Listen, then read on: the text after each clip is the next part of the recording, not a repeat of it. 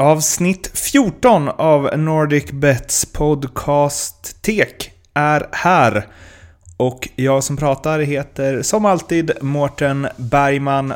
Dagens gäst heter Patrik Selin och spelar i Rögle BK. Han blev ganska nyligen utsedd till eh, den spelare i eh, hela SHL som fick mest, flest eh, plus i betyg under hela säsongen från Sportbladet och hade alltså en rejäl genombrottssäsong i år. I den här intervjun så avhandlar vi bland annat uppväxten med en eh, frånvarande pappa, hjärnskakningen som gjorde, höll på att göra honom galen, succéåren med eh, juniorlagen i Djurgården, hur eh, bedrövad han var över att åka ut med dels klubben i hans hjärta, Djurgården och dels även Leksand samt genombrottet han haft i år i eh, Rögle. Vill ni höra tidigare avsnitt av den här podden och kanske framförallt inte missa kommande så rekommenderar jag att ni söker rätt på TEK på NordicBets kanaler på antingen iTunes eller Soundcloud. Sen är det bara att prenumerera samt gå igenom arkivet av intervjuer där. Vill ni nå mig så gör ni det helst och lättast på Twitter. Martin med TH Bergman heter jag där. Eller så är det mail som gäller martinmetth.bergman.gmail.com Nu eh, kör vi, tycker jag, tillbaka till den eh, 7 mars i Lindab Arena i Ängelholm. Patrik Selin, mycket nöje. Klara för SHL 2016-2017. Hur eh, märks det de senaste dagarna? Ja, eh, nej men det är såklart eh, väldigt skönt. Det har varit en, en, en, längre period där vi vet att det har varit, eller där det har varit väldigt tajt i tabellen och varit mycket press eh, på oss själva att vi vill klara det. Och, så då är det absolut extra skönt när, när, det, när det är klart här innan, innan ja, serien är klar. Eh, så att det var extremt skönt att få det klart och sen eh, avsluta med, med två derbyn. Det var lite lättare att tagga, tagga igång till de matcherna. Eh, när man egentligen inte har någonting att spela för. Eh, och sen, så att det är god stämning. Du har ju varit med om att åka ur tidigare, två gånger. Hur när det, liksom, när det ändå lever att det skulle kunna bli kval neråt och så, vad skapar det för tankar och känslor? Ja, det är, det är extremt eh, en tuff, pressad situation. Eh, speciellt, jag har ju bara kommit uppifrån. Jag kan tänka mig att komma nerifrån är lite mer allt att vinna mm. och uppifrån är det verkligen allting att förlora. Mm. Så det, det, är en tuff, tuff eh, sits lagen hamnar i, de som kommer uppifrån, absolut. Så det var extremt skönt att, att slippa det eh, i år.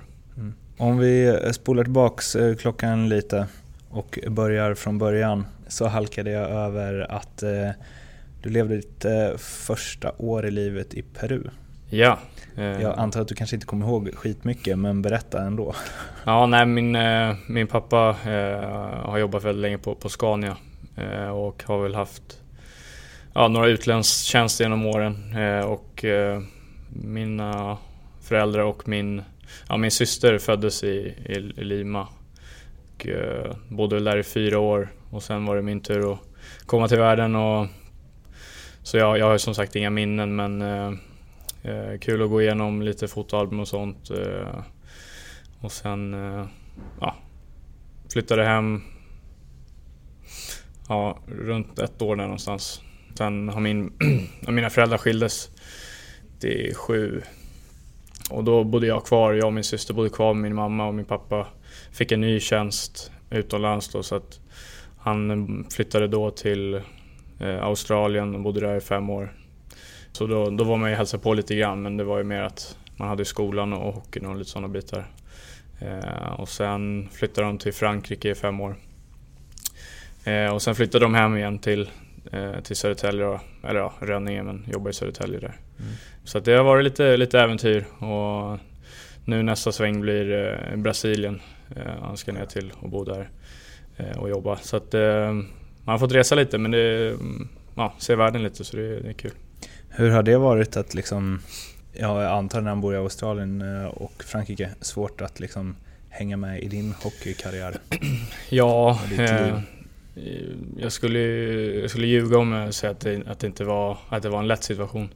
Det var stundtals där ja, vår relation var inte så jättebra. Eh, var väl en rätt, ja vad ska man säga, ett taskig timing på åldern också. Mm.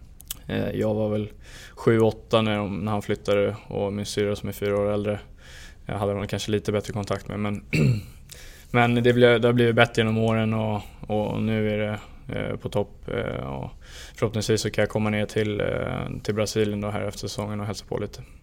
Hur eh, tog liksom din mamma en större roll i... Eh, för jag tänker så här med hockeyn just, nu har jag inte lirat själv men att det måste vara en del skjutsande och en del... Ja absolut. Liksom... Eh, hon har ju ja, betytt väldigt stor, eller stor, stor del i min början på karriären och fått skjutsa och, och ja, i stort sett ägna ja, hela sitt liv åt, och mig, åt min, mig och min syster som också höll på med, med idrott och sådär. Så att eh, hon, eh, hon har betytt väldigt mycket. Eh, att få ja, skjutsa och som, som andra föräldrar kanske har både delat jobb liksom, så hon fick, fick göra allting. Och, och, så att det är någonting jag... Ja, när man var mindre så tänkte man inte så mycket på det kanske men så här i efterhand så, så är det någonting man, eh, man uppskattar och respekterar henne för enormt. Mm. Gör det också någonstans att så här, om jag tänker att det är viktigt att vara bra, att det är viktigt att så här, mm, betala tillbaks genom att ändå lyckas med något som någon lägger ner energi på. Liksom. Även om det kravet förstås inte finns uttalat från henne, men ändå mm. att du liksom känner... Jo, men det, jag tror också att hon... Eh, jag tror ändå att hon känner en del i att, eh, ändå, att jag ändå får ha det som, som yrke och, och få leva min, min dröm. Eh, och det tror jag ändå att hon, hon vet någonstans att det, det, är hon som har ställt upp för det mesta. Liksom. Mm. Eh, eftersom ja, det, det, var bara hon som, som fanns där då, mm. på det viset. Eh, så att, eh, jag tror ändå någonstans att hon, hon, hon är lite eh, ja, medveten om det. Att, att eh, hade det inte varit för henne så hade jag förmodligen inte suttit här liksom, just nu och pratat med dig. Mm, en, en grej till om det just så här, för jag tänker att när man är eh, unge, vad man än håller på med så kanske man gör det mycket för liksom eller göra föräldrarna stolta liksom om man eh, tycker det är kul när de kommer och kollar på matcher och så vidare. och så vidare. Har du saknat det? I och med att din pappa bott utomlands? Alltså han, eh, när, han var, när han var hemma så kom han och tittade så men det var ju fortfarande han hade en ny fru och, och, nya barn så jag har ju två halvsyskon också som, mm. är, som är yngre. Eh, men det var ändå... Ja, jag visste ju att mamma var ju alltid där liksom så att, eh, det var ändå betryggande på något sätt sådär. Men som jag sa så min relation med pappa kanske inte var, vad ska man säga, som alla andras relationer. Utan det var mer lite, kanske lite halvstelt och, och lite så jag och min syster eh, tog det väl kanske på lite annorlunda. Hon såg mer fram emot att få åka hit och mm. hälsa på där. Men hon, hon kanske inte var lika, eller brann för någonting som jag gjorde som för, för ishockeyn kanske. Jag kanske inte ville åka iväg. Och, mm. eh, det finns, finns några roliga historier faktiskt. En gång skulle åka, jag och min syrra skulle åka till Australien och hälsa på. Och jag ville absolut inte åka. Eh, för att det var någon, jag tror det var någon turnering vid jul där någonstans. Eh, så eh, väl ute på Arlanda eh, så, så går min mamma och syster in på Pressbyrån. Och jag ser min chans och ja, jag, vill, jag vill göra allt för att inte åka liksom och, och missa.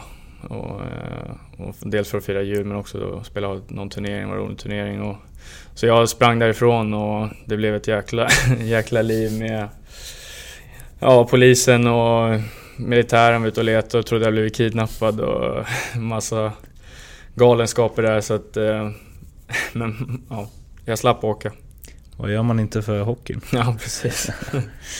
Om inte Elite Prospects är snett på det så börjar du lira i Flemingsberg, Flämpan. Hur ja. eh, länge då? Ja, det var ju länge. Jag, jag började faktiskt spela fotboll, jag bodde i, i Stuvsta eller Huddinge. Så började jag spela fotboll i i Stuvsta då. Och då hade, blev jag snabbt kompis med en Viktor Wahlqvist eh, som också eh, spelar hockey. Och hans pappa var lagledare då för, för ett lag i Flemingsberg. Så då följde jag med dit någon gång. Normalt sett kanske ja, att alla bor i Huddinge börjar i Huddinge men jag, på något sätt så hamnade jag, hamnade jag där med, med han eftersom jag var så bra kompis med han. Och sen ja, fortsatte jag där, jag tyckte det var kul och sen var jag väl där hela tiden tills eh, ja, var det 15, 15 års åldern innan jag, innan jag gick till Djurgården, 15-16. Var du eh, djurgårdare då? Ja, eh, som så jag är ja, uppvuxen djurgårdare. Jag och hela familjen är, okay. har, speciellt pappa då har, har varit medlem, ständig medlemskap där. Och, mm. Har väl någon bild när jag är mindre, när jag ligger i barnvagnen och en sån här haklapp där det står född djurgårdare. Så mm. det, det har varit med. Jag har varit på många, många matcher och på stadion och sådär. Så, eh, så det var ju lite speciellt, absolut. Även om det bara var i juniorlaget, var det fett att dra på sig Djurgårdströjan? Ja, det var ju, det var ju coolt eh, mm. faktiskt. Eh, det var riktigt, eh, riktigt roligt att få se att man, man spelade i Djurgården och, mm. och sådär. Så det var ja, både för mig och, och eh, ja, speciellt pappa tror jag i alla fall. Mm. Som han är väldigt, väldigt starkt, starka band till Djurgården. Så, att, så här, det var riktigt kul. Var det lätt att, eh, eller var det svårt, eller hur var det? Att eh, liksom, jag tänker om man är väldigt duktig på en sport eh, i den åldern, att det kan vara lätt att ja, men tappa fotfästet och så här, jag ska bli hockeystjärna, jag behöver inte plugget, jag behöver inte det här. Ja, lättare än när man är 25 kanske? Ja, eh, det är klart att man, när man är i den åldern, alla drömmer att man ska bli nästa Sidney Crosby, liksom, mm. att bli en storstjärna. Eh, så det är klart att man bara fokuserade på, på det egentligen, men där, då hade man ju också ja, föräldrar som påminner en rätt mycket att eh, man kanske inte kan leva på det och liksom du måste ta skolan seriöst och, och göra alla de bitarna. Eh, så att det, hade det inte varit att någon påminner en rätt frekvent så hade det bara varit hockey, hockey, hockey. Mm. Mm.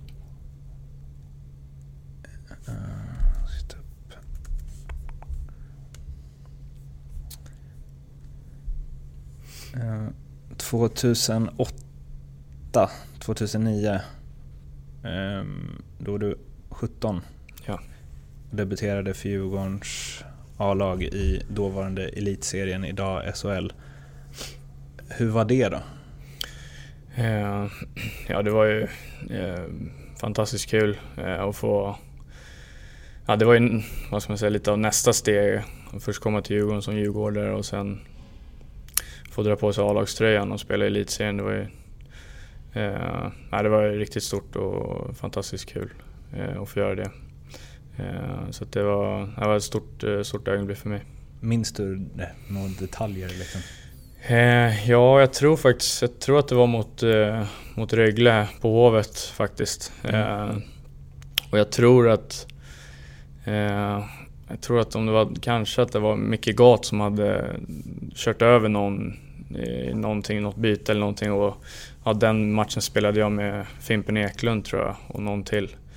Eh, och ja, precis skulle hoppa över båset och Fimpen skulle väl tackla Gat så jag hamnade väl mitt i mitt i, i hetzonen där direkt. Eh, jag tror, eh, om jag inte minns helt fel, så var det någonting sånt. Så, att, så det är lite roligt när man sitter här och spelar regler idag och har Gat som tränare. Mm. Har, eh, har du liksom... Eh, eller var det som du tänkte dig? Kände du att liksom, shit, nu är det på riktigt, jag spelar i elitserien? Ja, det var ju att få skriva in på ett fullsatt Hovet och Eh, och spela match för, för Djurgården, det var ju så här, wow. Mm. Eh, riktig var-känsla och eh, ja, man var ju nervös som, som satan. Eh, men, eh, men det var, ja, det var fantastiskt kul. Um, sen så säsongen efter den säsongen så blev det 54 matcher uh, och ett eh, uh, SM-silver. Snabba ryck. Jaha, Ja, nej men uh, det var väl, vi var väl några som var med i någon typ av juniorgrupp som fick träna med A-laget på sommaren det året, eller innan den säsongen. Så att egentligen, jag hade väl inga... Jag trodde inte att... Eh, ja, man kanske hoppades på att man skulle få en till chans och kanske göra några matcher sådär. Eh, men sen var, var det någon som var skadad tror jag på försäsongen. Jag fick göra någon match och fick väl göra mål på försäsongen där i första matchen. Och, eh, och sen var jag väl tillbaks i J20 där innan, innan serien drog igång och sen tror jag att någon ja, skadade sig igen och jag fick vara med i, i premiären borta mot, mot HV. Och sen så, ja, på något sätt så, så lyckades jag med, hålla mig kvar eh, där uppe. Eh, jag spelade väl lite i, ja, jag tror det var 7, 8, 9 matcher i J20 det året också men eh, ja, lyckades hålla mig kvar och, eh, och som sagt så blev det en en rätt, rätt galen resa den säsongen. Eh, där, vi, där vi gick hela vägen till final. Och, eh, ja, förlorade förlorade eh, mot, mot HV där på var det fem av sex matcher gick väl till, till sudden death. Så att det var en riktig, ja, som sagt galen resa hela det året. Mm. Hur... Nu, ja, det, är ju, det händer ju senare liksom, men du har ju varit med om att åka ur också. Men att förlora en final ehm, kontra att åka ur en serie liksom. Ja. För jag antar att man inte känner att man har vunnit ett silver förrän ganska långt efteråt. Ja, nej det... Alltså på något sätt för mig som var ja, fortfarande junior då, då tänkte man ja så här är det väl varje år liksom. Här går man till final och, och sådär. Så att det var ju, jag tror inte man la så stor vikt vid det då att man faktiskt var i en SM-final och faktiskt hade nära på, på att vinna ett guld och att det är väldigt få förunnat. Mm. Eh, det, det, tror jag inte man la så stor vikt vid då utan det var mer att... Ja, så här är det? Ja, typ så här är det liksom. Wow. Eh, och sen då, ja några år senare att, att få vara med och, och spela ut eh, i Djurgården var ju eh, oerhört tufft. Um, och på alla, vi hade ju ett, ja, förmodligen på pappret ett eh, ännu bättre lag än vad vi hade det året vi gick till final. Eh, med en riktigt bra backuppsättning och, och starka forwards. Eh, så det var ju mm, ingenting som man ens hade... Ja, jag tror väl till och med folk tippade oss att, att vi skulle vara i final igen det året. Eh, så det var ju raka motsatsen till, till första året. Det var eh, oerhört tufft och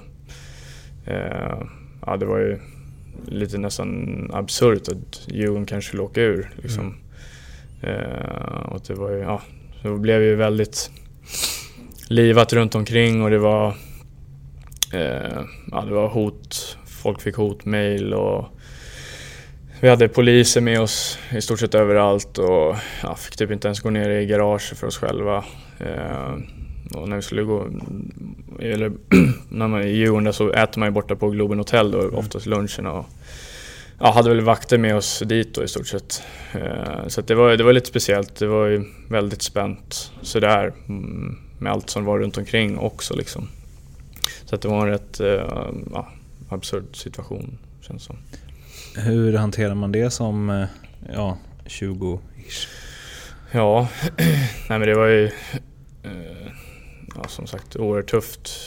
Alltså mentalt. Man, eh, sen det året kanske inte hade varit... Jag hade väl hoppats kanske min egna utveckling att jag skulle ta ett ännu större kliv och vara lite bidragen. För det var ändå mitt tredje år då. Mm. Eh, och vi var några unga spelare som, eh, som kanske hade hoppats på att ta ett lite större kliv eh, det året. Men eh, så man, man kände väl att man ja, det var inte så att man var en, en junior som, eh, som kanske bara spelade några minuter utan mm. det året var det väl tänkt kanske att man skulle spela lite mer och vara en, ja, försöka vara en, en bidragande spelare liksom. Eh, och, och, det lyckades väl inte jag med tycker jag. Eh, jag fick väl chansen till att vara en sån spelare men eh, hittade inte riktigt det, det flytet även om jag tycker eh, att, att det var eh, vad ska man säga? Ja, det var mycket som inte, inte klickade det året mm. på, på många bitar. Eh, men när vi ja, bytte ju coach var det två gånger sista, sista månaden, eller vad det var, en och en halv månad. Eh, och var mycket som, ja, som sagt Djurgården i kvalserien liksom mm. och chans att åka ur. Det är, ja, kaos lite överallt liksom. Så det var, det var mycket som, som pågick i skallen och, eh, och det var, ja, det var en tuff, tuff tid, absolut. Jag tänker att det måste vara eh, helt sinnessjukt svårt att prestera om eh, trycket eh, och liksom hotbilden är så stor att ni inte kan gå till matsalen utan vakter. Ja, alltså jag tror, jag tror nog den oron kanske var mer från, från de runt omkring Djurgården. Mm. Jag tror inte kanske att vi spelare trodde att någon skulle komma och hoppa på oss eller sådär liksom. Mm. Men, men det var ju fortfarande snack. Man kanske, ja, istället för att bara fokusera på att vinna hockeymatcher så var det ju mycket annat som, som gick i skallen också. Liksom. Mm. Eh, så det, det, är klart att det var en, en rätt ja, konstig situation. Liksom. Och just det, verkligen så upp som en sol, ner som en pannkaka-grejen. Att från att trott att så här är det, SM-final, ja. till det. Ja, nej det var ju verkligen eh, ögonöppnande eh, på något sätt. Mm. Eh, så det var Ja, man fick en rejäl, eh, ska man säga, reality check eller liksom mm. Att så här kan det också gå liksom. Mm. Och, ja, det var ja, jag vet inte hur man ska förklara den tiden mer än att det var oerhört, oerhört tungt för, för många. Som sagt, alltså Djurgårdens filosofi har väl varit att ha Stockholmskillar och Djurgårdskillar. Liksom. Mm. Och det var väl mestadels Stockholmskillar de åren när jag var där. Mm. Eh, vi hade väl några, några utifrån eh, och sådär. Men, så det var ju, jag tror att det tog rätt, rätt hårt på många. Liksom. Var du med om någonting själv? Alltså just hot eller liksom någon som kom fram till stan eller? Nej, inte direkt. Det, det var lite så här Facebook-mess och ja. lite sådana där saker. Men det, eh, som sagt, jag tror att det var... Vi hade ju en del rätt mycket liksom stjärnor och sådana mm. spelare som tror jag absolut fick ta, ta emot mer än vad, vad kanske vi unga spelare fick göra. Mm. Hur, eh, mm, hur var känslan då att åka ur? Hur mådde du? Ja, eh, först och främst aldrig kul att åka ur liksom med något lag. Men sen att det var just Djurgården eh, var ju också helt så här, Man bara spelat ut Djurgården i elitserien liksom. Vad fan, mm. vad händer liksom? Mm. Eh, så det var ju... Eh, jag tror inte, man fattade inte riktigt vad, vad som hände förrän liksom man såg att ja, Djurgården börjar serien nästa år mot Karlskoga borta liksom. Det, mm. eh, så det var, det var, var tufft absolut. Hur resonerade du kring eh, AHL kontra att stanna kvar? Eh, jag hade väl eh, en målsättning redan ja, innan, eller kanske till och med året innan, att, att jag ville spela klart mitt kontrakt och sen försöka spela till med ett, ett kontrakt med Nashville då, som jag blev, blev draftad där av dem. och så det var ju hela tiden kanske min plan, att jag ville ville ta den chansen och, och pröva att utvecklas i AHL. Mm. Och pröva på det, det äventyret. Eh, och, så att även om, om eh, ja, Djurgården hade varit kvar i elitserien eller vad som helst så, så hade jag eh, fortfarande åkt över liksom, eftersom jag fick den möjligheten. Nu antar jag att eh, när du drog över så att du kanske inte fick så mycket skit från det men det var en del Djurgårdsspelare som gick till andra eh, SHL-lag så eh, och som väl liksom fansen inte var jätteglada på. Kunde du, även om det var liksom ett steg till mm, ja, andra sidan Atlanten och så vidare och även om man måste tänka på sin egen karriär, kunde du själv känna, så här, känna dig som en svikare? Liksom?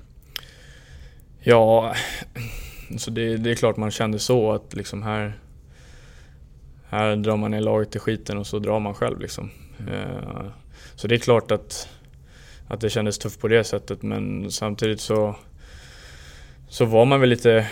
Eh, ja, man, man fick ju chansen att skriva på ett NHL-kontrakt. Liksom. Det är kanske inte alla som får den, den möjligheten och jag vet att hade jag inte gjort det och kanske jag hade ångrat mig, kanske aldrig, aldrig hade fått den möjligheten igen. Liksom.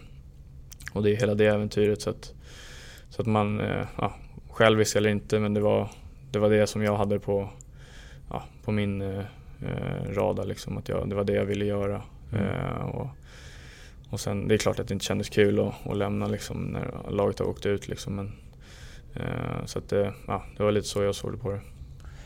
Och eh, AHL, där har man ju hört mycket. Mm. Hur var det för dig? Eh, ja men det är klart man hade hört eh, många stories om, ja, och det var ju mycket spelare som vände hem tidigare, eh, ålderskullar kanske. Men eh, ja, när jag hade när jag tänkte på AHL så tänkte man ja, långa bussresor och mycket matcher och dåligt schema och mm. risiga hotell och man bor i någon håla någonstans mm. eller sådär liksom. Som de, jag tror att de flesta kanske har mm. den bilden liksom och det, ja, slåss hit och dit och, mm. sådana bitar. Men, men ja, jag var över, över förväntan. Jag kom till ja, Nashvilles farmarlag, då låg i Milwaukee. Eh, ja, men ja, det bodde väl en 600-700 000 och eh, precis vid Lake Michigan. Och, en och en halv timme från Chicago. Eh, så det var en, en, stad där man kunde göra saker. Det fanns baseballlag och NBA-lag och eh, ja, det var en, en, relativt stor stad så det fanns ju saker att göra och eh, ja, inte de här horror stories alls mm. som man, man var med utan vi bodde på ja, Hilton och Marriott och alla de hotellen mm. när vi var iväg och sen jag tror våran buss, längsta bussresa var väl typ 6,5 timme eller någonting. Mm. Och den skedde bara kanske ja, fyra, fem, sex gånger om året. Mm. Resten var väl, ja, när man spelar i divisionen så, så är det mest bara typ en och en halv timme upp till tre timmar bussresa. Mm. Eh, så att, eh, ja, det var över all förväntan och jag hade eh, en sjukt, sjukt rolig period. Det var, ja, många i AL är ju unga spelare som, som vill, ja, vill framåt och eh, alla kanske inte har barn och så vet flickvän och sådana saker. Det eh, var, var riktigt kul att vara i omklädningsrummet varje dag och eh, hände mycket saker och man, man lärde sig, man fick ju bo själv i USA liksom och mm. eh, lära sig hela den kulturen och, mm. Och sådana bitar. Så det, det, är ett äventyr som jag absolut inte ångrar. Eh, så det var ja, en fin tid i, i mitt liv, absolut. Från eh, trygga Stockholm eh, och mamma nära till det där? Var du liksom, fanns det något så här pirr nervöst innan du drog? Jo absolut, det var det. Som tur var så hade man varit själv svensk så kanske det hade varit ännu mer pirrigt men jag mm. visste ju att vi var väl, första året var jag, Daniel Bong, Mattias Ekholm och Magnus Hellberg. Mm. Så vi visste ju någonstans att ja, man har i alla fall alltid varandra så vi var ju lite, lite som, ett, som en familj och de, de hade deras flickvänner med sig och, så vi var ju ett gäng eh, svenskar där ändå så det var alltid någonting att och vi sven eller oftast så svenskar har väl kanske lite samma uppfattning om saker och ting så det var ju mm. lätt att vända sig till ja, snacka, negga lite med, mm. med de svenska killarna. Så, att, eh, så det var ju tur det. Men, men det är klart att det, var, det är ett stort steg att flytta, flytta hem, eller ja, hemifrån från säkerheten och tryggheten och sådär till, till USA. Liksom. Man, det är ett stort steg. Uh, eh, ECHL, vad är det för något? Det är farmarligans farmarliga, okay. skulle man kunna säga. Eh, där är det ändå gärdsgårds eller? Där vill man inte vara. I alla fall inte jag. Jag hade... Eh, ja, det var inte vad jag kanske hade... Eh, vad ska man säga? Det var inte, ja, utan jag ville åka över och så tänkte man kanske ja, man får kriga på i AHL. Liksom. Mm. Jag kanske inte hade det är klart att oron fanns när man kom Man visste inte riktigt var man stod. Liksom, att okej, okay, kanske hamnar där liksom. Mm.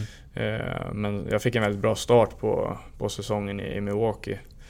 Eh, så att jag fick mycket speltid och sådär. sen, eh, sen gick jag igenom en tyngre period första året.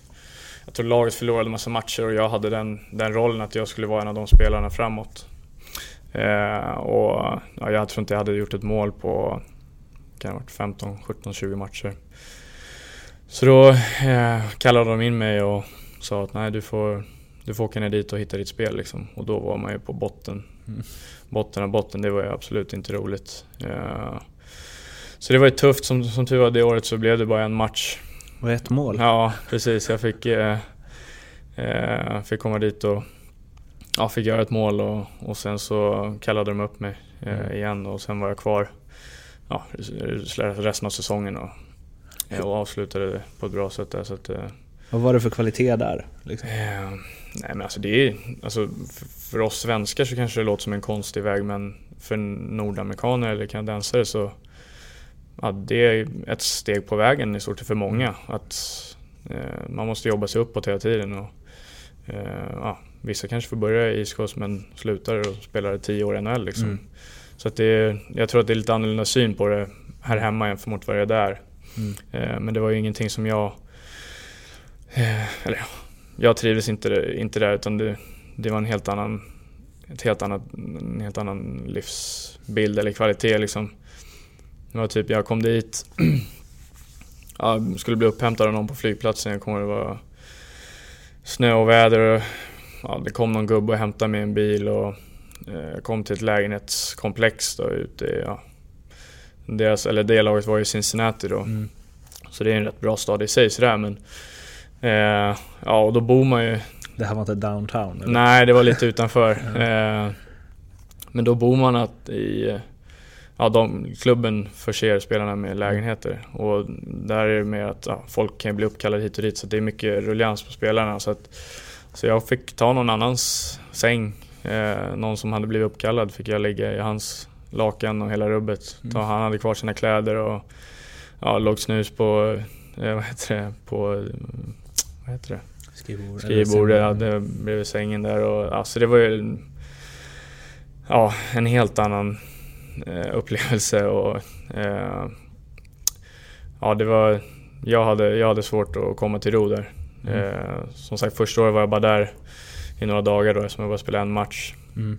Eh, så att då, då, tänkte jag att men nu, nu blir det inget mer av det här. Utan, för jag kom tillbaks det året och, och ja, jag började säsongen bra och avslutade den på ett bra sätt. Så jag kände ändå att jag kan ha en bra sommar och komma tillbaka så eh, kan jag nog försöka utvecklas i AHL istället.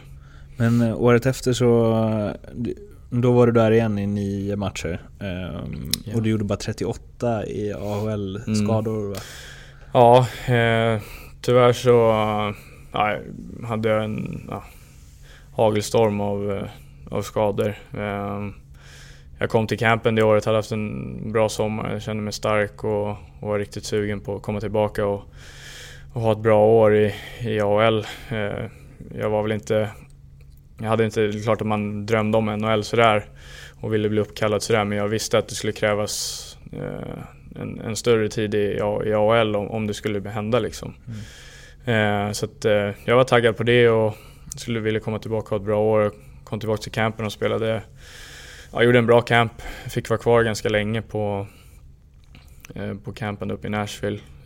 Och började säsongen i AHL bra och sen efter var det fem matcher, fem matcher in så fick jag en tackling. Eh, ja, det var ju första bytet i stort sett. Eh, och jag kände väl att den tog lite illa. Men eh, ja, jag var, det hade gått bra för mig och jag var riktigt sugen på att spela liksom och att äntligen hade dragit igång. Så att jag försökte skaka av det och kände att det, det är väl lugnt. Så jag spelade klart den matchen och, eh, och kom hem och mådde väl inte så jättebra. Men så dagen efter hade vi träning och skulle bussa. Det var den här långa bussresan, sex timmar. Eh, till Iowa så, så jag tänkte att det, det går nog, jag dricker lite vatten och försöker sova lite så, eh, så tränade jag dagen efter och sen lång bussresa. Och sen ja, var det match dagen efter det då. Eh, och ja, kände väl att jag inte var riktigt, jag var inte där i skallen, mådde, mådde inte så jättebra, hade huvudvärk. Men jag spelade matchen ändå och lyssnade inte riktigt på kroppen och jag kände, ja, jag, jag lyckades väl göra mål den matchen och så kommer jag ihåg eh, ja, vi firade väl lite och det var någon som kom fram och bara liksom la en handske på huvudet. Klappade om mig liksom och då bara kände jag liksom att det blev typ stjärnor nästan. Så då kände jag att äh, nu, om, det inte, om det inte går över till imorgon så måste jag säga till liksom. Eh, så då sa jag till att jag, ja, att jag inte mådde bra och så blev det en, en lång process där, där det var min första hjärnskakning och Eh, ja, det var ju, allt det här snacket har ju blivit senaste åren rätt mycket om hjärnskakningar hit och dit. Och att, att det, ja, det är farligt och lite sådana saker. Och, så att man var väl lite halvskraj sådär eftersom att det inte riktigt gick över på en gång, huvudvärken. Eh, och vi prövade lite saker och, och jag ja, kände väl lite att jag blev lite bättre. Man går igenom så här varje dag så får man bocka av, sätta en, ett betyg på hur man mår, olika grejer med hörsel och eh, hur man ser och om det är någonting som stör en. Så jag kommer väl ner ganska låga nummer där man ratear 0 till 5 då började vi pröva lite grejer men sen, ja, det blev värre igen och prövade väl det två gånger, eh, hela den ja, processen då innan, innan de sa att nej nu, eh, nu får du får inte göra någonting förrän du känner dig liksom, förrän det är helt bra. Så jag, eh, ja, jag låg på soffan i, ja, var det, en och en halv månad, nästan två månader innan jag började ja, ta mig tillbaka eh, och känna mig bättre. Och, eh, ett tag så blir man, man blir helt, man vet ju inte, folk, ja, folk frågar en varje dag, hur mår du liksom, är det bra? Och man vet ju inte vad man ska svara, jag vet inte hur jag mår. Ibland, till slut så blir det att liksom, nej, jag vet inte, jag kanske mår så här, jag kanske är så här, jag mår hela tiden, bara att jag aldrig har lagt märke till det liksom. Mm. För det var så här lit, eh, liten huvudvärk som liksom bara, ja, ville inte gå bort liksom. Men sen till slut så, eh, så lyckades jag ta mig tillbaka. Eh, och eh, jag vet inte om jag fick, var det det året? Gjorde jag några matcher i Iscos då? Nej. Jo, nio. Var det? Nej, det året Eller? efter tror jag. Ja, just det. Ja, det är ja. två säsonger, mm. precis. Mm. Ja, men så, för då kom jag till, fick jag till, komma tillbaka och spela sista... Två ja, slutspelsmatcher? Ja, sista mm. 20, vad kan det varit, 25 matcherna där. Mm. Eh, och då gick det, gick det bra för mig. Eh, jag fick spela med, med, ja då hade ju Filip Forsberg kommit dit mm. och, och, sen så kom även Kalle Järnkrok där på slutet. Så vi var en svensk kedja där eh, på slutet som, som klickade lite och fick spela ihop. Med tre rightare va? Ja, precis. Det kanske inte händer så ofta. eh, men så det var ju jäkla kul eh, att spela med två svenskar. Dessutom så, så pass duktiga spelare som de är. Eh, men ja, när jag låg då, låg på inte, ja, kroppen var ju inte riktigt i form utan jag hade ju tappat massa muskler och var lite svag och sådär så att jag hade väl lite problem med en höft då som som, Eh, som vi då skulle kolla upp då eh, för det hade blivit lite värre och värre efter säsongen där så att eh, ja, det slutade med att jag fick ehm, vara kvar då i ja, vi missåkte ut i första rundan där tidigt i slutspelet och då ja, gjorde de massa undersökningar och sen kom de fram till att eh, ja, jag var tvungen att operera. Eh, jag hade tre lösa benbitar som låg lite i vägen i höften. Ja, på något sätt, hur det hade hänt det visste de inte men ja, de var där och så de var tvungna att gå in och eh, ta bort två benbitar och sätta in tre skruvar i den sista benbiten för den var lite för stor. Tillbaks till höften då.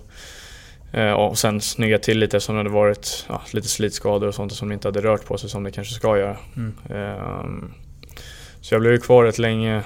I, ja, jag fick operera mig i Nashville då. Efter säsongen där kom jag inte hem förrän i mitten på juni. Eh, och skulle gå på ja, kryckor i ja, tio veckor, två och en halv månad och började rehabba efter det. Så, att, eh, så jag var i Nashville där i, ja, själv i stort sett eh, tre, fyra veckor.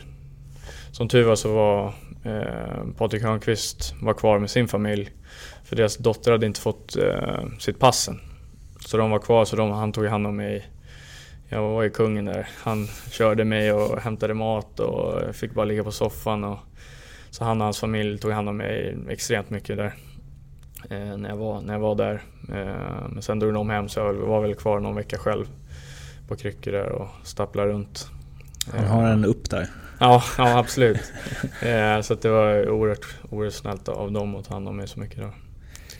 När, alltså det är en grej på, på kryckor och så och det kan jag tänka mig att eh, mm, Ja men det har ju folk varit med om utan att vara elitidrottare. Men just det här och där vet du ju ändå att ja, men det, det kommer bli bra. Liksom. Mm. Men att ha lite, lite, lite huvudvärk hela tiden för att man fått en hjärnskakning och med allt som har varit som du var inne på. Mm. Uh, alltså man kan ju bli knäpp för mindre liksom, än att ligga och tänka på det i, i två mm. månader. Ja, nej, det, absolut. Det var mentalt prövande eh, för mig och ja, fick hjälp med att prata med folk och, och sen mest att man var, man var rädd liksom. Mm. Att okej, okay, gå ut nu så får jag en till smäll, vad, vad händer då liksom? Mm. Eh, så det var väl den biten också. Dels för att det hade varit Ja det är, rätt, det är mycket snack om det nu och det var ju då också att hjärnskakningar och folk får sluta och tidig ålder. Så det, det var väl det liksom också att man var man kände sig inte riktigt hundra och så tänkte man, ja till slut så tänkte jag liksom, kanske är så här jag mår liksom. Så här är det liksom. Om man, om man inte tänker på det hela tiden, att man har jag huvudvärk, har jag inte huvudvärk. Mm. Så att det, ja, det var mentalt riktigt tufft faktiskt. ja. Um, mm, mm, mm. Sen den 14-15 säsongen, mm. då var det i alla fall nio matcher ja. i East Coast Hockey League. Uh, och fyra i AHL och sen så vänder du tillbaka till Sverige. Um, var det att du inte platsade, inte fick lira, var skadad? Alltså... Uh, ja, uh, först så blev väl min rehab, rehabtid där på höften blev väl lite framflyttad eftersom att jag, när jag flög hem så fick jag en blodpropp i benet. Jag hade lite otur med, med flygen det var i stort sett från en rullstol till planet, till nästa rullstol, till planet. Så man satt ju still i, eh, ja, vad det nu tar att resa hem liksom, mm. från dörr till dörr liksom. Mm. Eh, så att jag vaknade upp någon dag efter att jag hade kommit hem där och kände som jag hade fått världens slashing på, mm. på lår, eller på vaden. Tänkte, ja, tänkte jag har inte gjort mina, mina rehabövningar kanske, att inte det att, att, att jag inte fått tillräckligt med blod eh, tillförsel. Då, så att, men det gick inte bort och så pratade jag, tränade jag ihop med, med Talinder, Henrik Talinder på somrarna ibland. Eh, de, de få gångerna han är med. Nej, han, han, är, han är till och från i Finland, eh, eller i Åborg. Så, han, så jag ringde honom och, och, och pratade och berättade liksom vad jag kände. Och då sa han, för han hade haft en blodpropp liksom. Mm. Och då sa han, ja, exakt så jag kände liksom att det måste du kolla. Så då kollade jag det och då var det att jag hade två, tre proppar i vaden. Som tur var hade de inte rört på sig utan mm.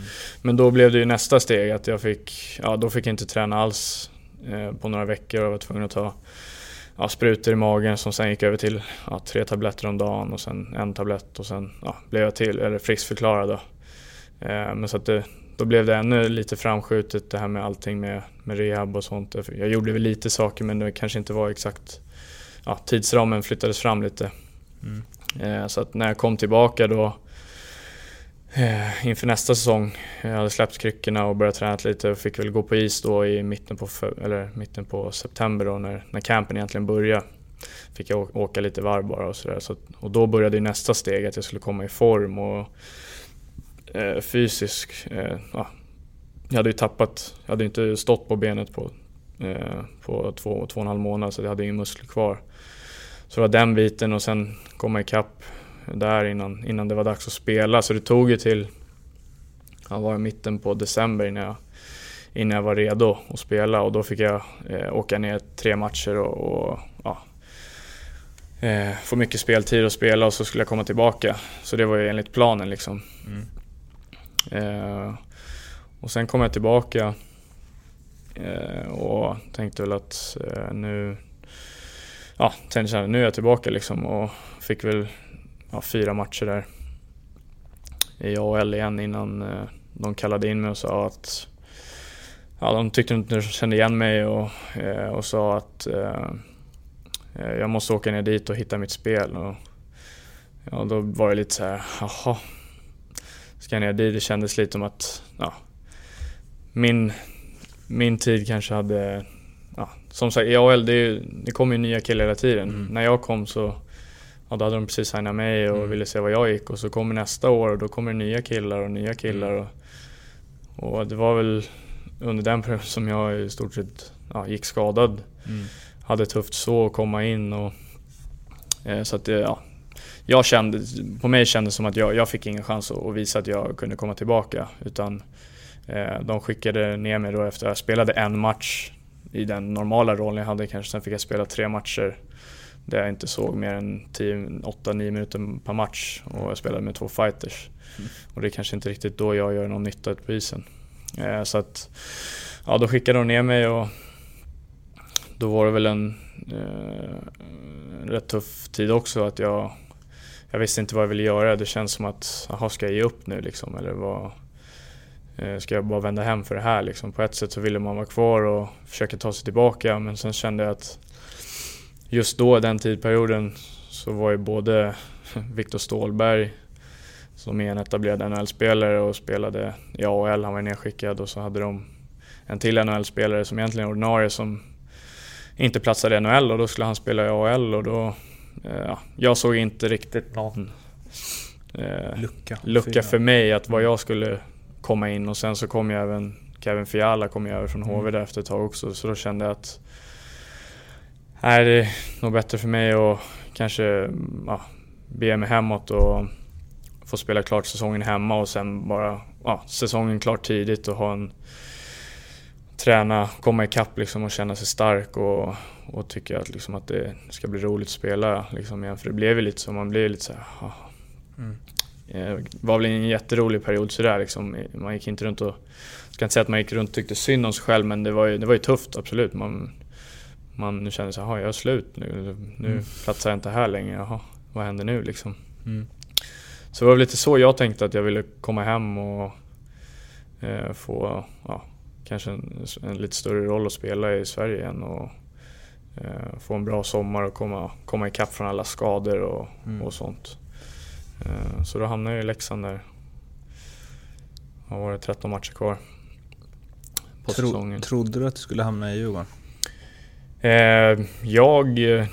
För rubrikerna var ju att Djurgården nobbar mm. dig. Ja, nej men så var det. Jag sa väl till min agent att eh, innan vi pratade med någon andra så hör vad Djurgården säger liksom för att ja, som sagt jag är djurgårdare och kommer därifrån och, eh, och ville, ville verkligen dit. Eh, sen att de ja, tackade nej då eh, och då var jag tvungen att, att titta mig på andra, andra ställen där, där jag kunde få spela och eh, kom fram till att eh, Leksand skulle vara en en bra plats för mig, eh, tänkte jag då. Men eh, tyvärr så, så gick inte det vägen heller.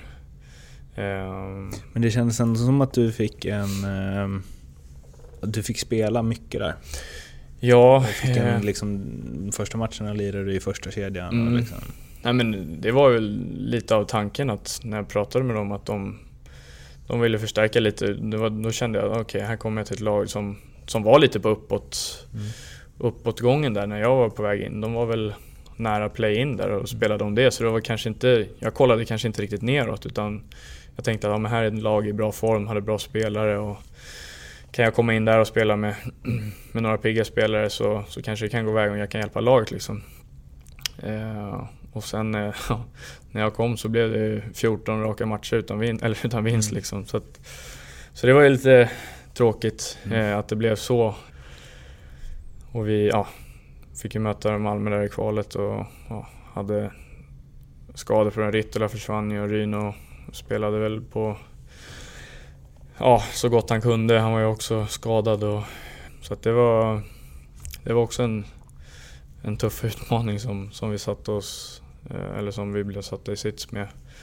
Tyvärr lyckades vi inte eh, vinna den, den serien, tyvärr. Jag är eh, superläxing sen barnsben. Så skäms. Nej då. men, sorry, sorry. men efter att ehm, ett lag har åkt ut så, så är det ju, och speciellt på en sån liten plats som Leksand liksom, där alla bryr sig om hockeyn och så, så snackas det mycket så här och ja, vilka spelare man tycker ändå gjorde det okej okay och hur man har uppträtt efteråt och så.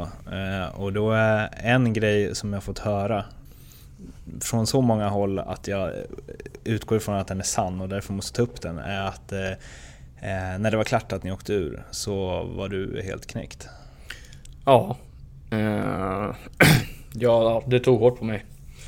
Eh, hade som sagt kom med skadebekymmer och tänkte att nu komma hem och spela och ha kul liksom och så Ja, som när, jag, så när jag var med Djurgården så var jag kanske inte den spelaren som var längst fram i ledet. Och här kände jag att Eh, här vill jag vara en av de spelarna och det är klart jag ville vara i Djurgården också men här kom jag hit för att vara någon som, som kunde, skulle hjälpa laget liksom och eh, ja, mm, det tog, det tog hårt liksom att vi, att vi åkte ut. Det kändes som att det var ett eh, stort misslyckande från min del personligen.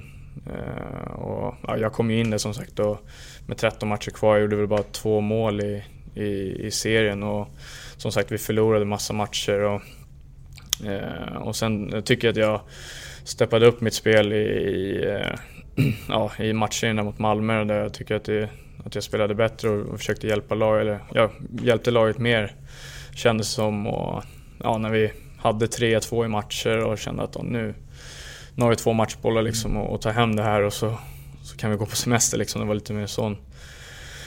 Eh, och sen ja, att vi åkte ner dit och torska och sen så bara okej okay, men nu har vi hemma här, det är perfekt inramning och det är fullsatt och nu, nu, nu ska vi ta hem det här och, och vi lyckas inte och eh, alltså det, det var tufft. Mm.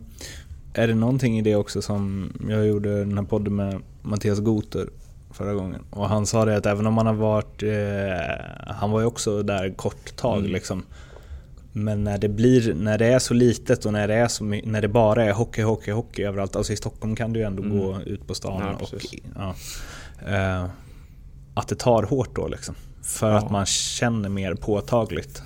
Jo, men sen så känner man ju också för, ja, för alla som typ sitter i ICA med, med liksom matchtröjor på, på matchdagarna och folk hälsar och är trevliga och känner igen en och ja, även om vi hade förlorat massor och var i kvalserien så var det ändå att det var liksom inte fan vad dåliga ni är utan det är kom igen nu, det här tar ni liksom, eh, det här kommer ni klara liksom. Så att det var man kände ju för dem också, liksom hela bygden och för man vet ju hur mycket Leksand betyder för, för de som är därifrån och, och mm. även för folk runt omkring i landet. Jag menar det, vart, när jag var, vart vi än åkte så var det mycket Leksand, Leksand supporter på plats liksom, man var borta match. Så att, så att det var ju, och sen som du säger så blir det, det blir inte så mycket socialt kanske när man bodde där utan eh, det var hockey, hockey, hockey. Man kunde inte riktigt ja, skärma av, skärma av det på, mm. på något sätt. Utan, så att det,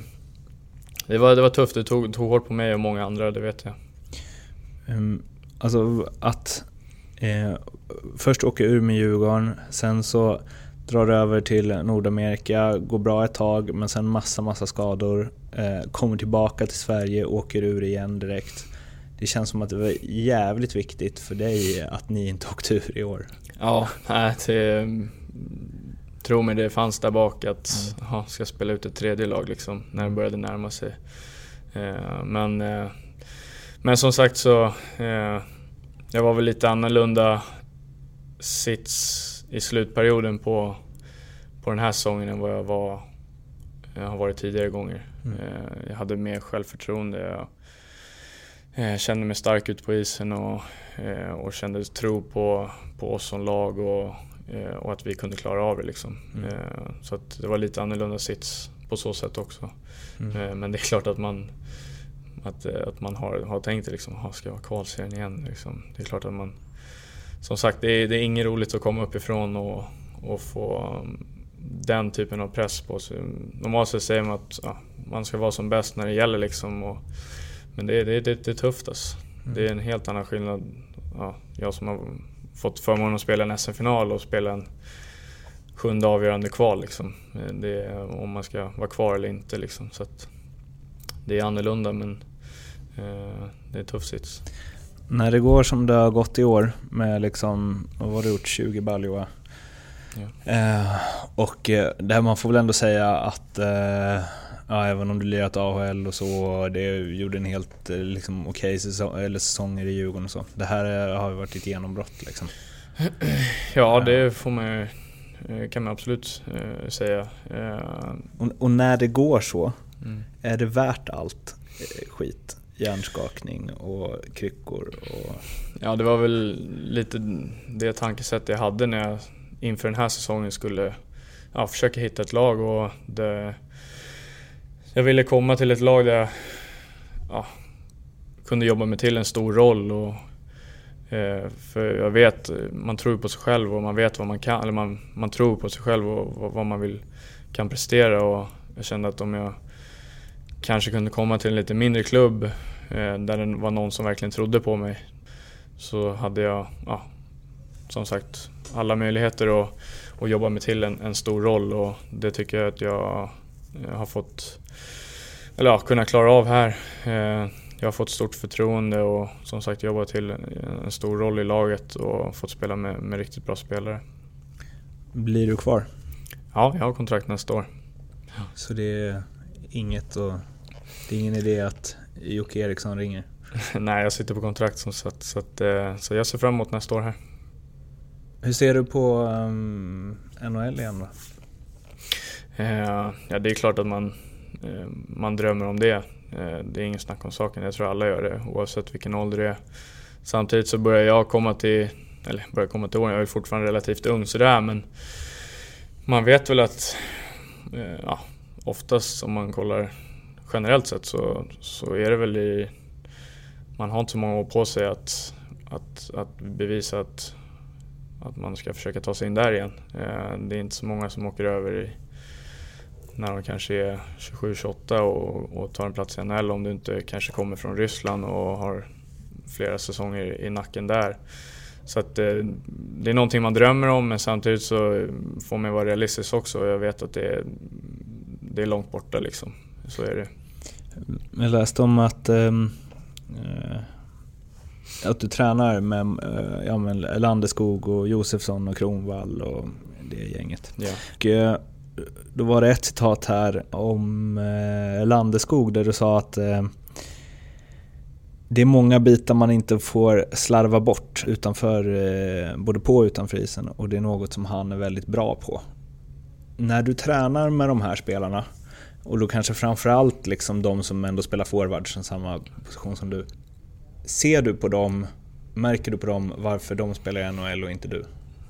Yeah det är klart att... För jag tänker att man hela tiden, för att mm. vara på den nivån som du är, så måste man tänka att man är bättre än vad man är. Mm. Nej men, det är klart att man kan, man kan sätta sig och tänka på varför är jag här och de är där. Liksom. Men samtidigt så, alla har, alla går olika vägar och sen om det leder till NHL och lagkapten som Gabbe, det är kanske lite långt bort för mig. Men, eh, men jag vet att de, jag har förmån, följer förmånen att ha dem som nära vänner och innan alla blev stjärnor och allt sånt där. Utan det, vi har som sagt hängt ihop i rätt många år. Mm. Eh, och jag vet att om, om jag tar rygg på dem och eh, lägger ner samma energi och, och passion för, för det ja, för sporten som, som de gör och träning och alla bitar så, så vet jag att jag, jag kommer vara i, i bra form. Jag kommer ha gjort, eller ja, gett mig själv alla eh, rätta verktygen för att ha en, en, bra förberedelse för en säsong. Eh, så att eh, det, är, det är lite udda sitt där att man, jag menar det är ju killar som man ser upp till på ett sätt. Liksom, att de eh, liksom, kollar på Gabbe liksom, han är lagkapten i NHL och eh, en superstjärna så det är klart man ser upp till honom. Eh, men samtidigt så är det en, en väldigt nära vän sedan flera år tillbaka så att, så att det är en rätt eh, unik sits sådär att man kan få, vad ska man säga, umgås med sina idoler nästan sådär mm, på, mm, på det sättet. I alla mm. fall träningsbiten. Jag menar, skulle du fråga någon i Kanada om de fick åka och träna med Sidney Crosby en vecka så tror jag nog att alla hade gjort det. Mm. Nu säger jag inte att Gabbe är lika stor som Sidney Crosby men, men, eh, men han är ju en av de stora spelarna och, eh, och så det, är, det är en bra sits för mig. Det var en, samtidigt någonting som jag hade väldigt, lades väldigt stor vikt vid när jag skulle försöka hitta, hitta en klubb. Att jag, jag ville fortsätta med, med den typen av träning som vi gör och, och i det gänget som jag, som jag har tränat i senaste fyra, ja det här blir väl femte året tror jag. Fyra, fem år. Mm. Att det var någonting som, för traditionellt sett i Sverige så är det väl att kanske ja, alla samlas första, eh, ja vad det nu är, i mitten på april och så tränar man fram till midsommar och så har du fyra veckor semester och sen går man på is ihop. Mm. Eh, och jag har, fick ju förmånen då att eh, jag får vara i Stockholm och träna på det sättet som jag gjort och förbereda mig på det sättet som jag, som jag gjort senaste tiden och som jag tycker är ett eh, ja, optimalt sätt för mig med den typen av träning och, och, och, som sagt de, de killarna som jag får ta rygg på och försöka och, och mäta sig med hela tiden så att det blir tävling, tävling, tävling hela tiden och eh, ja, jag tror att det är en extremt bra sits för mig att, vara i. Jag har googlat dig och youtubat dig och hittat fyra saker som jag vill att vi pratar om okay. lite kort. Första Google-grejen är eh, din relation med Niklas Svedberg. ja. Eh, jag läser högt här eh, mm. från en match 2010 då ställningen var 3-3 efter att Djurgården hade hämtat upp från 0-3 mot Brynäs. Var det va? Eh, när matchen var slut och Djurgården gjort ytterligare ett mål hade känslorna inte avtagit. Eh, Selin påstår att Svedberg då mordhotat honom. Det var när vi skulle tacka efter matchen, när jag kommer fram till honom håller han kvar min hand och vägrar släppa den. Sedan säger han “Gör du sådär en gång till, då dödar jag dig”. Då skrattade jag bara och sa visst, gör du det. Då vek han huvudet mot mig, vägrade släppa handen och jag vek huvudet mot honom och våra hjälmar touchade varandra. Har ni snackat med varandra efteråt? Nej, inget alls. Eh, känner jag Svedberg rätt så vill han nog ta upp det här nästa gång. Menar du att han är långsint? Ja, han kan ha lite svårt att släppa saker.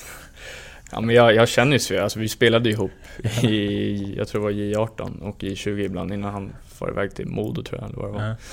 Eh, så att eh, jag känner, vi känner varandra sedan tidigare och ja, det där var väl mitt första eller andra år och absolut inte medievan.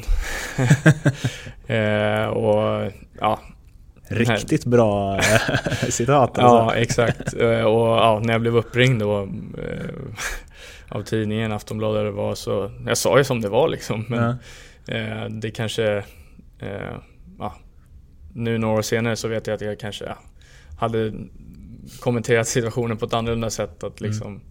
ja, det blev lite gurgel men det, det, är ingenting jag har att kommentera liksom. Kanske sådär hade sagt idag men...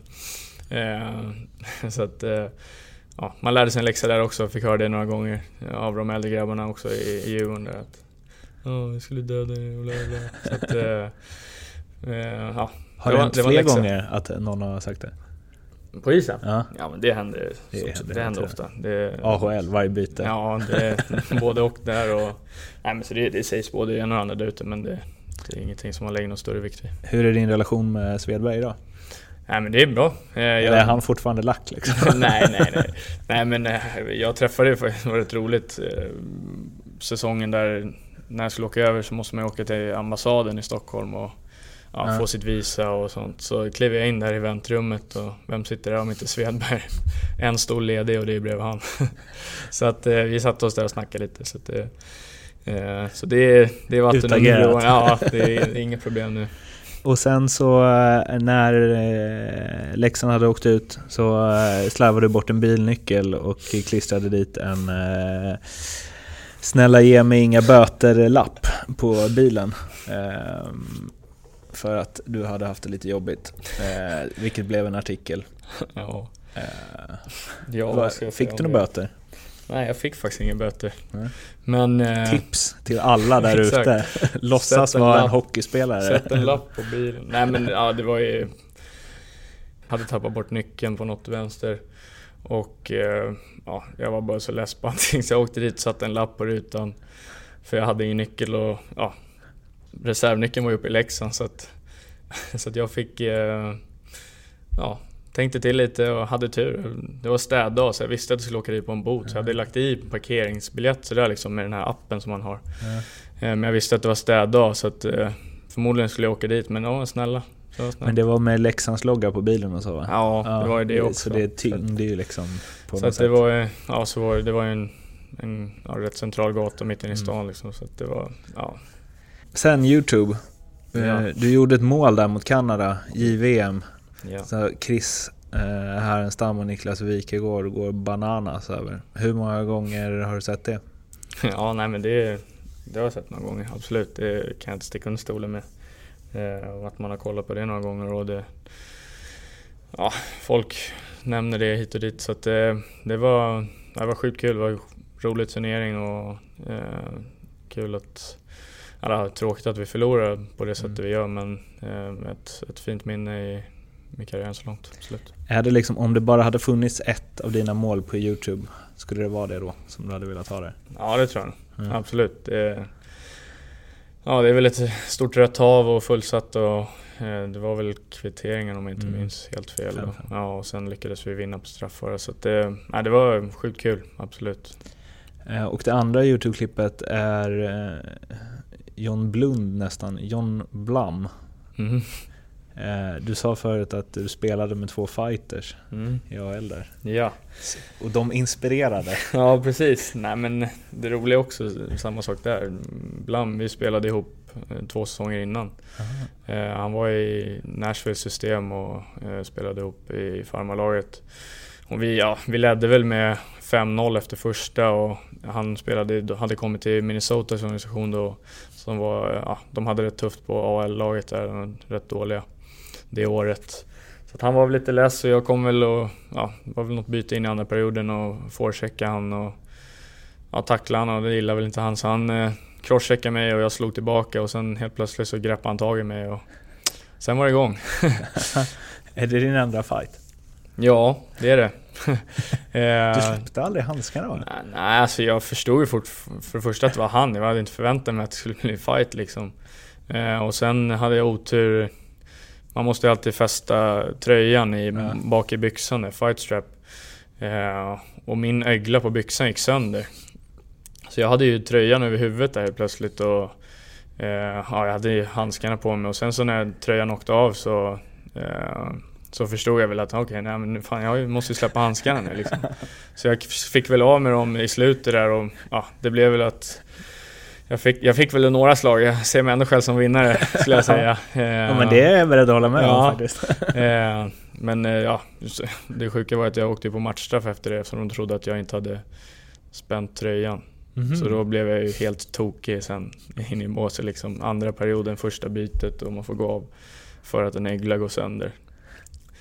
Att, alltså, eh, det är ju ett, eh, om vi pratar om machosporten hockey så är det kanske det minst eh, liksom, häftiga ja. matchstraff jag har ja. hört om. Ja, nej men det är ju så för det blir väl en fördel då om man får av sig tröjan eftersom man, ja, man håller ju den liksom motståndarna och sådär. Så, att, så det var väl den, därför den regeln finns. Mm.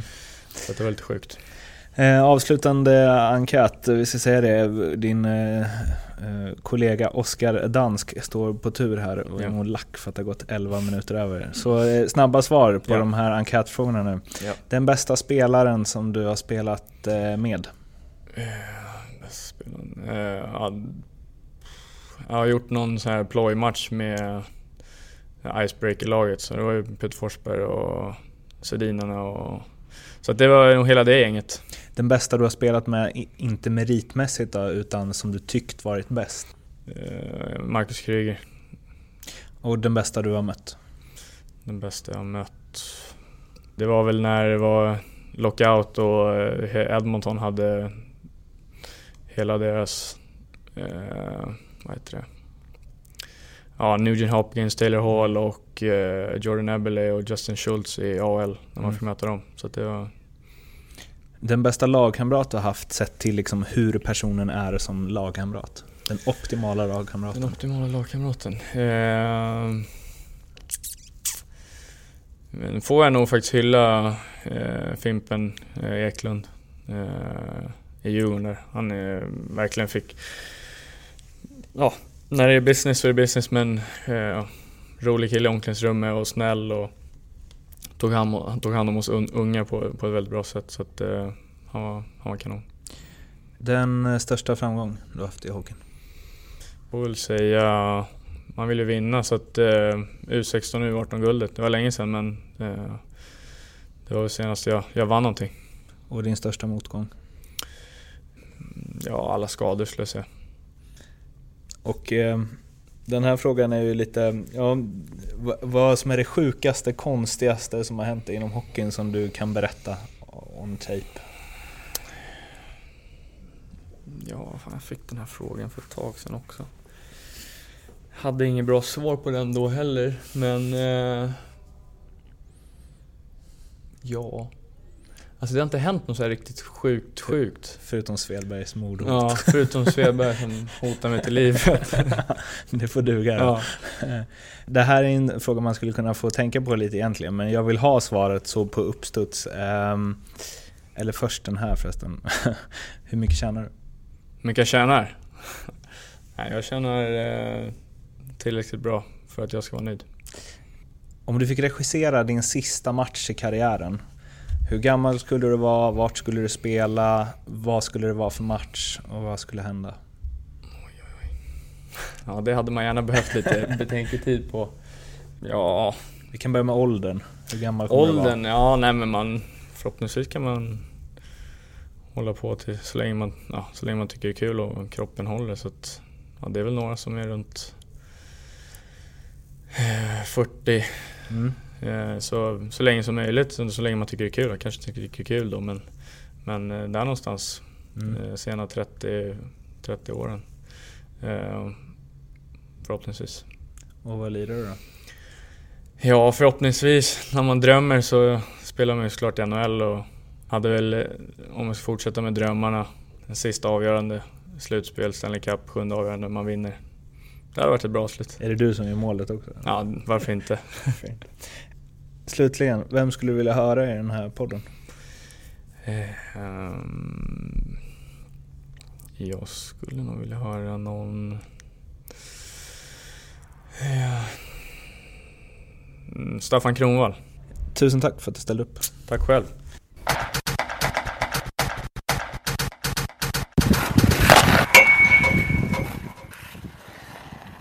Sådär då. Där var avsnitt 14 av NordicBets podcast Tek till ända. Och jag hoppas att ni uppskattade intervjun med Patrik Selin och eh, söker rätt på den här podden på iTunes eller Soundcloud och prenumererar så att ni inte missar kommande avsnitt. Nu ska jag inte uppehålla er mer utan jag hoppas istället att vi hörs vid nästa avsnitt. Ha det fint så länge, sköt om er, hejdå!